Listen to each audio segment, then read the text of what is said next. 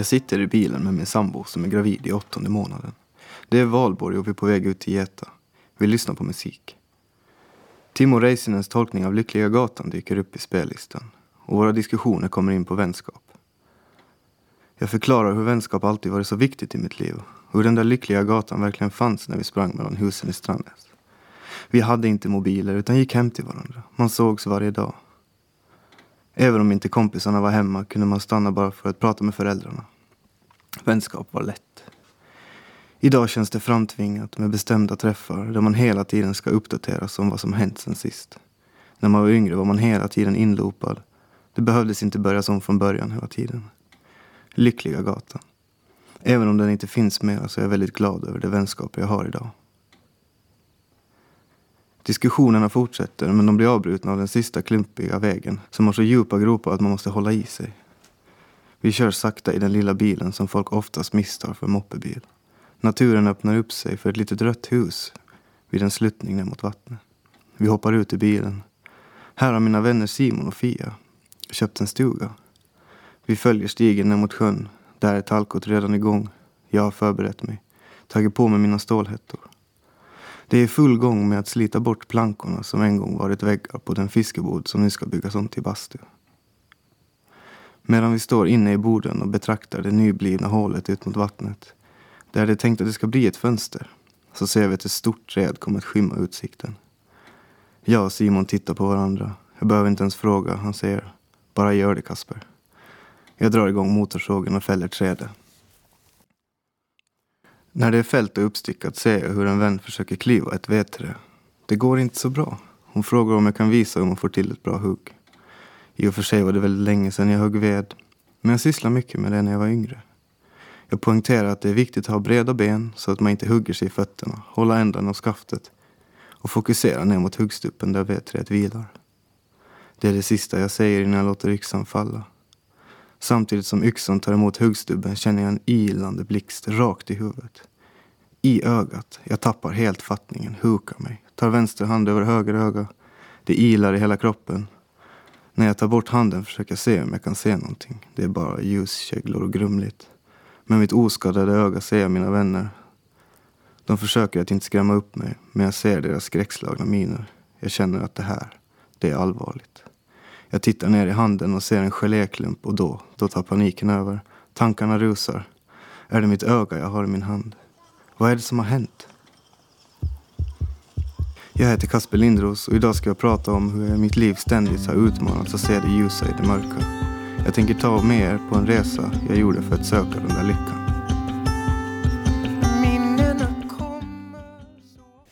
Nu har jag bestämt mig. Nu har jag äntligen bestämt mig.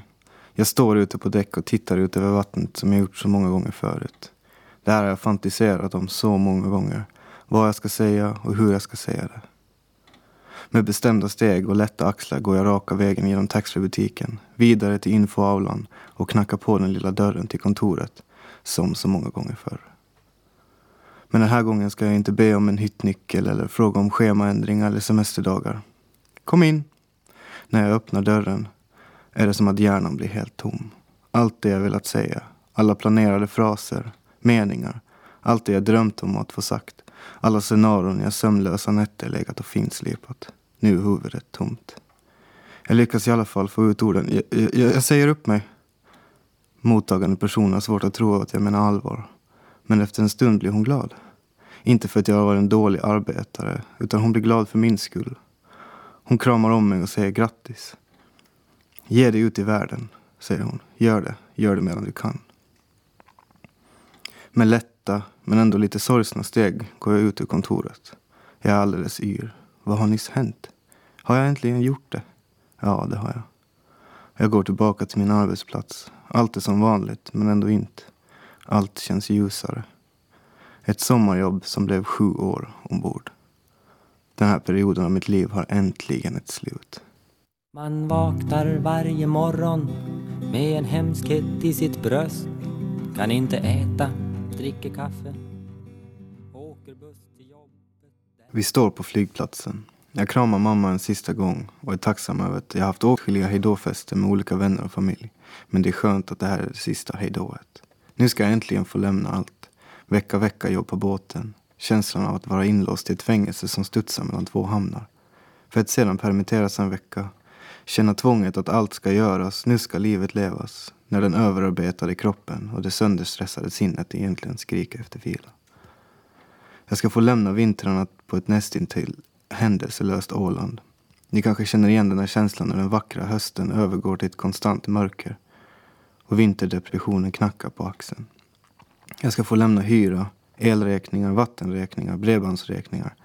Jag har klippt alla trådar. Vid incheckningen slänger jag upp den överpackade väskan där jag har allt jag äger. Alla mina saker, kläder och surfbrädor. Den är alldeles för tung förstås, men jag smyger vant under ett knä på den avlånga väskan där den ska vägas, ler och hoppas på det bästa. När jag går mot terminal F känner jag mig oövervinnerlig. Känslan av att ingenting är omöjligt. Jag sätter mig på flyget och åker till Marocko.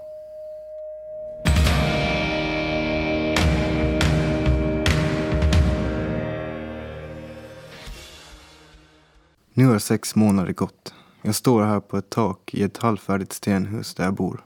Jag blickar ut över byn. Det är en liten fiskeby långt från civilisationen där surfingen har börjat växa då det finns bra vågor överallt. Att bo här är lite som att kastas tillbaka hundra år i tiden. Butikerna är små hål i väggen. Du pekar på vad du vill ha och det lindas in i papper. Här finns inte några bankautomater, höga byggnader eller sjukhus. Bara små sneda stenhus som ser ut att vila mot varandra. Det omringas av öken som möter havet. Jag administrerar ett helt surf och yoga-retreat. Jag har hand om allt ifrån att boka skjuts till och från flygplatsen, ta emot gäster, visa dem runt. Jag skriver arbetsscheman, arrangerar utflykter, surflektioner, yogaklasser, dukar fram mat och svarar på alla de konstigaste e-mail du kan tänka dig. Jag jobbar varje dag. Jag är chef för 18 personer där ytterst få kan några ord på engelska. Allt får kommuniceras via händer och minspel. Vi leker våra charader och lyckas hitta vårt språk. Vi bråkar och skrattar. Vi hatar och älskar varandra. Ord behövs inte i det här fallet.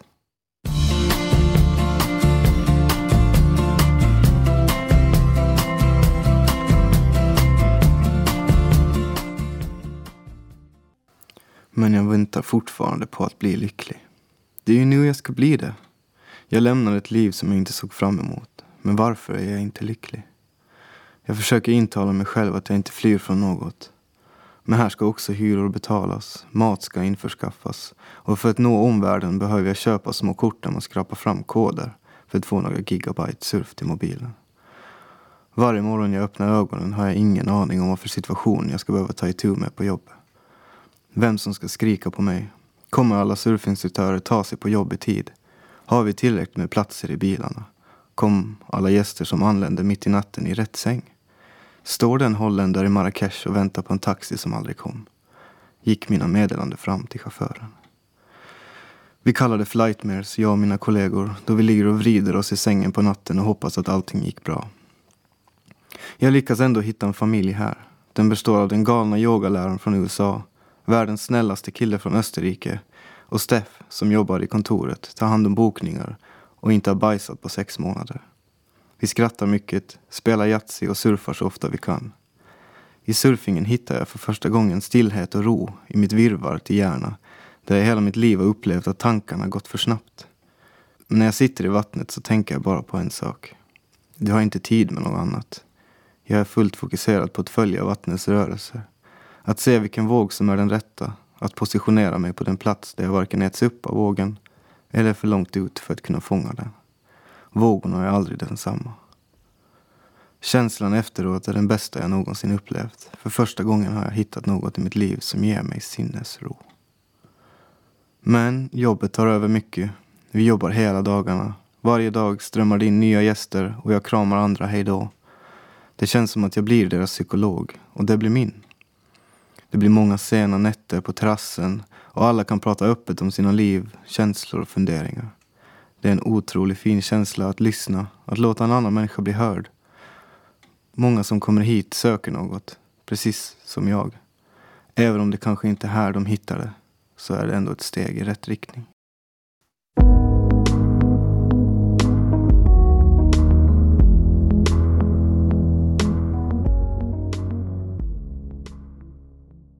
Månaderna går och jag känner att jag fått bättre grepp om jobbet. Men jag väntar fortfarande på att känna mig lycklig. Mitt kontrakt lider mot sitt slut. Jag får åka hem till Åland en vecka då jag bör förnya mitt visum. Jag har ju fortfarande de sista månaderna kvar av jobbet. Väl hemma är det kul att träffa vänner och familj. Folk undrar om jag är tillbaka. Ska jag vara på Åland nu? Och jag undrar, är det det här jag ska tillbaka till? Jag känner mig ju inte färdig. Jag har ju fortfarande inte hittat den där lyckan. Jag får panik och när jag väl är tillbaka i Marocko skickar jag iväg en ansökan till en av världens största surfcamp-kedjor. Svaret kommer snabbt. Hej Kasper, det verkar intressant. Kan vi träffas imorgon? Jag råkar nämligen vara här på vårt camp i närheten. Nu står jag här på flygplatsen med överfull väska som vanligt. Tricket med knäet funkar inte den här gången. Frenetiskt försöker jag välja ut vad jag ska slänga av, av det jag äger. Allt jag har är här. Men jag måste göra mig av med hälften. Incheckaren blänger på mig utan medlidande. Hoppas att jag snart ska sluta stoppa upp kön som slingrar sig likt en orm bakom mig. Jag stoppar på mig kläder så jag ser ut som en Michelin-gubbe. Resten åker i en sopkorg. Incheckaren tittar upp och ser förvånad på mig där jag står med ett brett leende. Jag ska till Bali.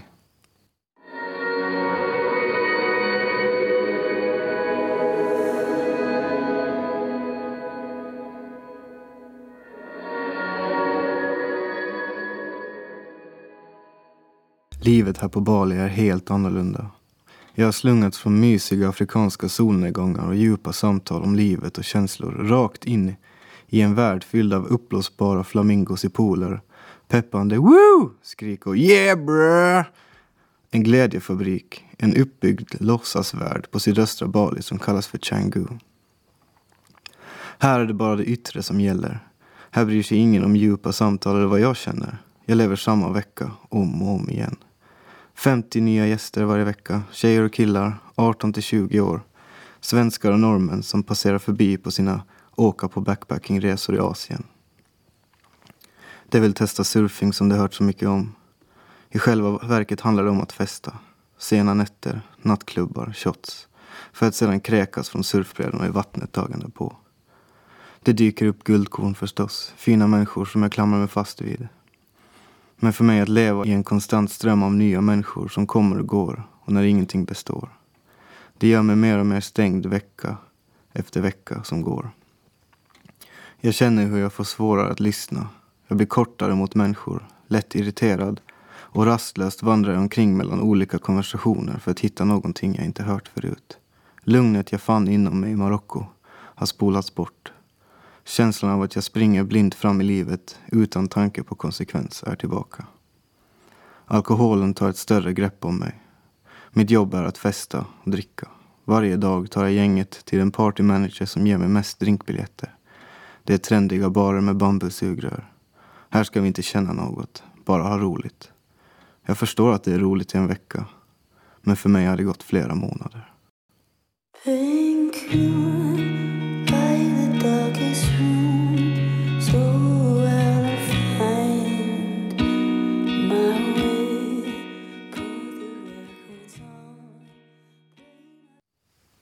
Varje måndag förbereder vi oss för nya gäster. Vi sitter samlade kring chefen på golvet. Jag har en klump i magen som varje vecka. Hon ska läsa upp våra betyg från veckans gäster. Vi betygsätts. Varje söndag innan gästerna lämnar går vi runt med iPad så de får sätta betyg på hur vi har skött oss under veckan. Även om jag vet att jag har gjort ett bra jobb så vet man aldrig. Jag kanske sa något som inte föll i god jord. Kanske jag sa något opassande. Kanske drog jag ett skämt som inte gick hem. Kanske var jag för mycket. Kanske var jag för lite. Varje vecka samma skräck. Allt som oftast är det ingen fara. Vi får 9,7 av 10 och alla applåderar. Vi går ut och tar emot drygt 50 nya gäster. Och vi sätter oss i en stor ring. Hi, my name is Casper. I'm from Finland and I've been doing this for one and a half year and I'm still loving it. Men tyst tänker jag för mig själv. Gör jag verkligen det? Ljuger jag nu den här veckan igen? Men vad ska jag säga då? Gäster önskar ju att de hade mitt jobb. Varje dag får jag höra att jag lever drömmen och hur de skulle vilja byta liv med mig. Jag tänker att om inte detta gör mig lycklig så kommer ingenting annat göra det ändå. Så jag sköljer ner klumpen av ångest med några klunkar öl och återgår till min uppgift med att berätta hur veckan ser ut för den förväntansfulla skara gäster. Tisdag, surf på morgonen och sen ut och äta tillsammans på kvällen. Kom ihåg att signa upp er för det under frukosten. Onsdag, först surf på morgonen, Sen är det beerpong-turnering på kvällen med 64 lag. Hitta två lagkamrater och kom på det mest originella lagnamnet. Torsdag, ingen surf, men de som inte är alldeles för bakfulla kan välja mellan åtta olika aktiviteter såsom snorkling, utflykter, soluppgångsvandring till en vulkan. Fredag, surf på morgonen. Vi äter på en nattklubbspizzeria på kvällen så glöm inte att förbeställa eran öl. Lördag, surf på morgonen. Sen har vi game night med olika lekar som jag kommer att hålla i. Söndag, eran sista surflektion på morgonen. Sedan anordnar vi en volleybollturnering på dagen och Bali Olympics på kvällen. Förvänta er en alkoholoktanig kamp i sann nordisk anda. Och så här fortsätter det, vecka ut och vecka in.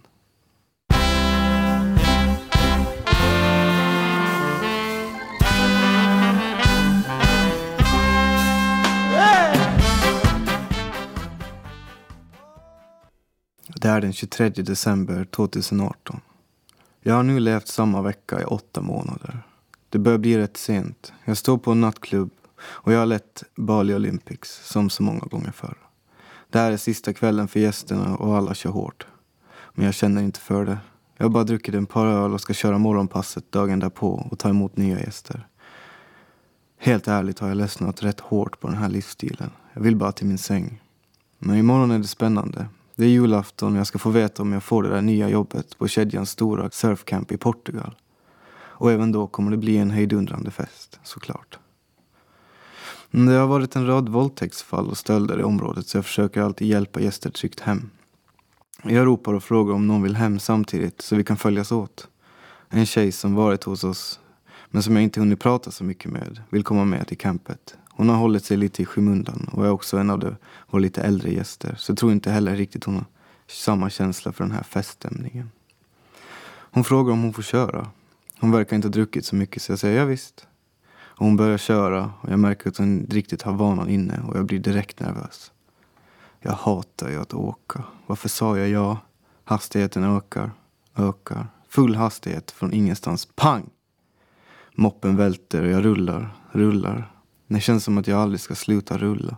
Till sist landar jag ner i ett betongfundament vid sidan av vägen. Hela stadens avloppssystem rinner igenom här. Jag känner igenom kroppen, allt sitter som det ska. Jag känner ingen smärta. Det enda jag kan tänka är, hur gick det för henne? Jag kravlar upp, springer mot henne. Knäet bär mig inte. Men adrenalinet har kickat så hårt att det går ändå. Medan jag springer mot henne ser jag två indoneser bära henne ur diket. Hon är också täckt i smuts, blod och avfall. Jag hör henne säga förlåt, förlåt, jag har förstört allt. Jag försöker säga att det är lugnt, vi lever, allt annat går att lösa. Hon går på repeat. Förlåt, förlåt, förlåt. Ambulansen kommer fort. Hon stoppas in och jag hör henne fortsätta förtvivlat. Förlåt, förlåt. Jag försöker släppa hem motorcykeln, men det går inte. Den är bara skrot. Jag ligger på magen i mörkret med huvudet nedstucken i poolen. Ett desperat försök att skölja av den värsta smutsen. Det stinker verkligen avlopp. Ett gäng läkare som fått tag på min adress till campet bromsar in så det lämnar spår på volleybollplanen. Det tvingar med mig till sjukhuset. Väl i ljuset av det gula lysrör får jag se hur illa det faktiskt gick för mig. Halva mitt ansikte, båda armar, ryggen, magen, benen, ja till och med på tårna saknas det hud. Det skrubbar mig. Det känns som det skrubbar mig med bensin eller eld.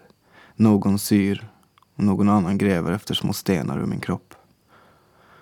Trots den hårda behandlingen och bristen på bedövningsmedel så ligger jag tyst och stirrar i taket. Jag vet att det här är slutet på någonting. Fem dagar senare ligger jag i min säng, ensam, på mitt rum. Ingen vill veta av mig. Jag ligger här och kan inte röra mig. Ingen hälsar på. Chefen skäms över mig. Mina kollegor kikar in och ojar sig över min uppenbarelse. Det tar dagar innan jag vågar ringa hem till mamma jag vill att hon ska njuta av julen innan jag berättar för henne. Olyckan loopar i mitt huvud om och om igen. Ångest. Det här är det största misstaget, det värsta. Efter två veckor får jag sparken. Det skyller på mina alkoholproblem. Företaget betalar mig för att dricka mig full varje kväll med gästerna och sen skyller du på att jag dricker för mycket. Och det är mitt fel. Ingen tar i mig. Det skäms. Jag skäms. Jag har förstört allt. Precis allt. Och olyckan loopar i mitt huvud om och om igen. Och det där jobbet i Portugal kan jag glömma.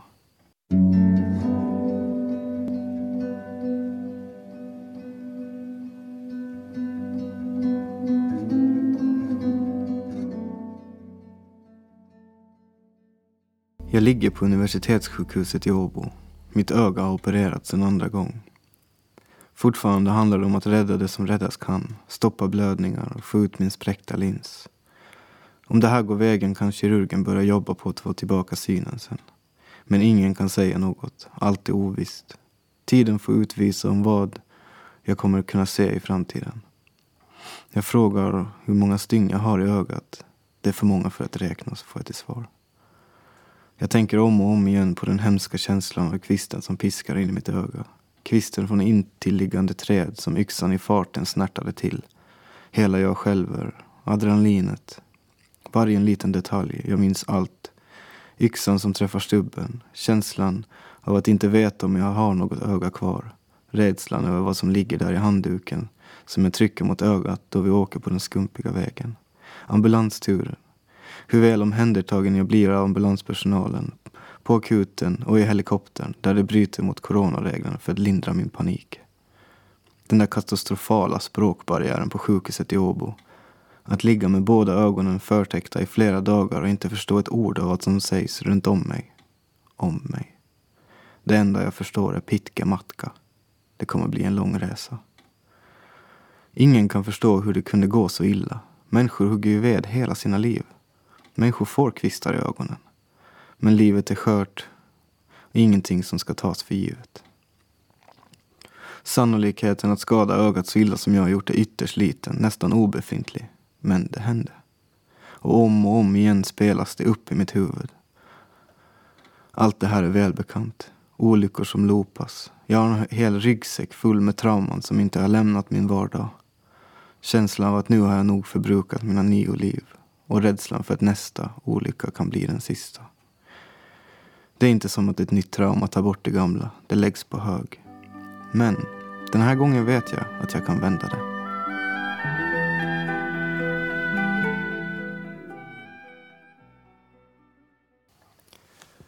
Olyckan på Bali höll på att ta livet av mig.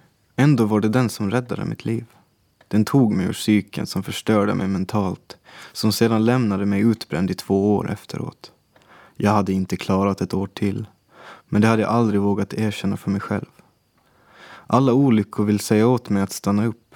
En sadistisk ängel vill få mig att sakta ner. På Bali ville den säga åt mig att sakta ner, åk hem och ta itu med mina problem. Hade det inte varit för olyckan hade jag kört slut på mig själv. Hade det inte varit för olyckan hade jag inte träffat min underbara sambo några månader senare mellan hägg och syren. Vid ett litet torp i Finström.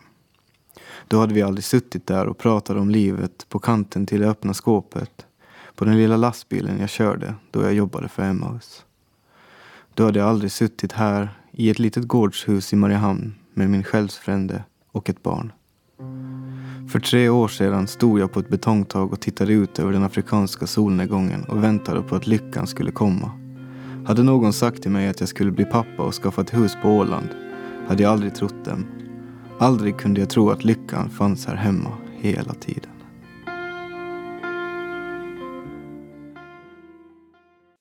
Mitt namn är Kasper Lindros. Jag har varit sjöman på Ålands hav, hobbypsykolog i Marocko, kampledare på Bali Just nu är jag musiker, en halvblind surfare, sjukskriven pappa som leker Svagströms elektriker på fritiden och just idag eran sommarpratare. Det är slutet av maj när jag skriver det här sommarpratet. Jag la ut en video på Youtube för tre dagar sedan. Videon spreds och radion hörde av sig och undrade om jag ville ställa upp på en intervju om mitt musikskapande. Och också om hur det har påverkats av att jag i dagsläget är halvblind. För mig är det inte så konstigt, men för andra kan tyckas märkligt att min studio är uppbyggd av rullbandspelare och att jag skapar ljud genom att bygga om syntar och använder walkmans och gamla telefoner som hjälpmedel.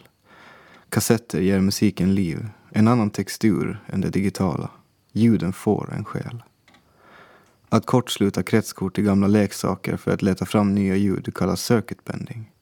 Det har gett mig en djupare förståelse för hur ljud fungerar. Jag har genom det lärt mig bygga mina egna kretskort och effekter.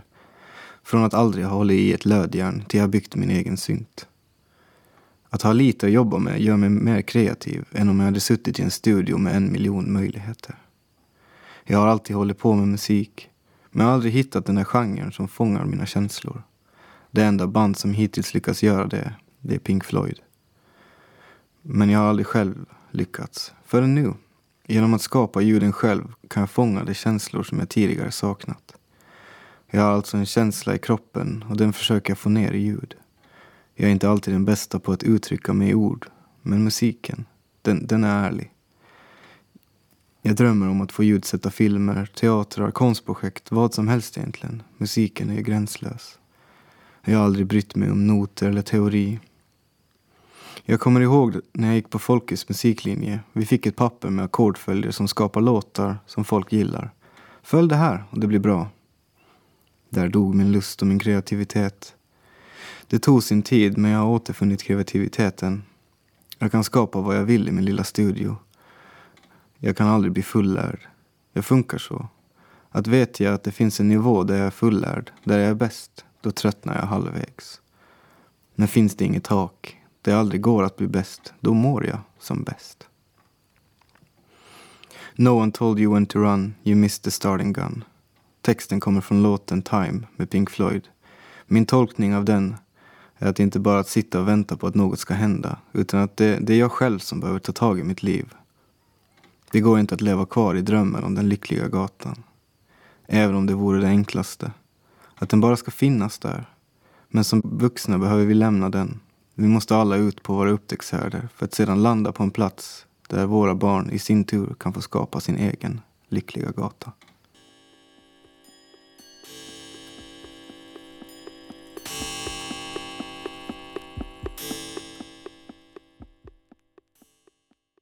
Tidigare har jag alltid överarbetat mina musikprojekt, känt förakt för det jag skapat.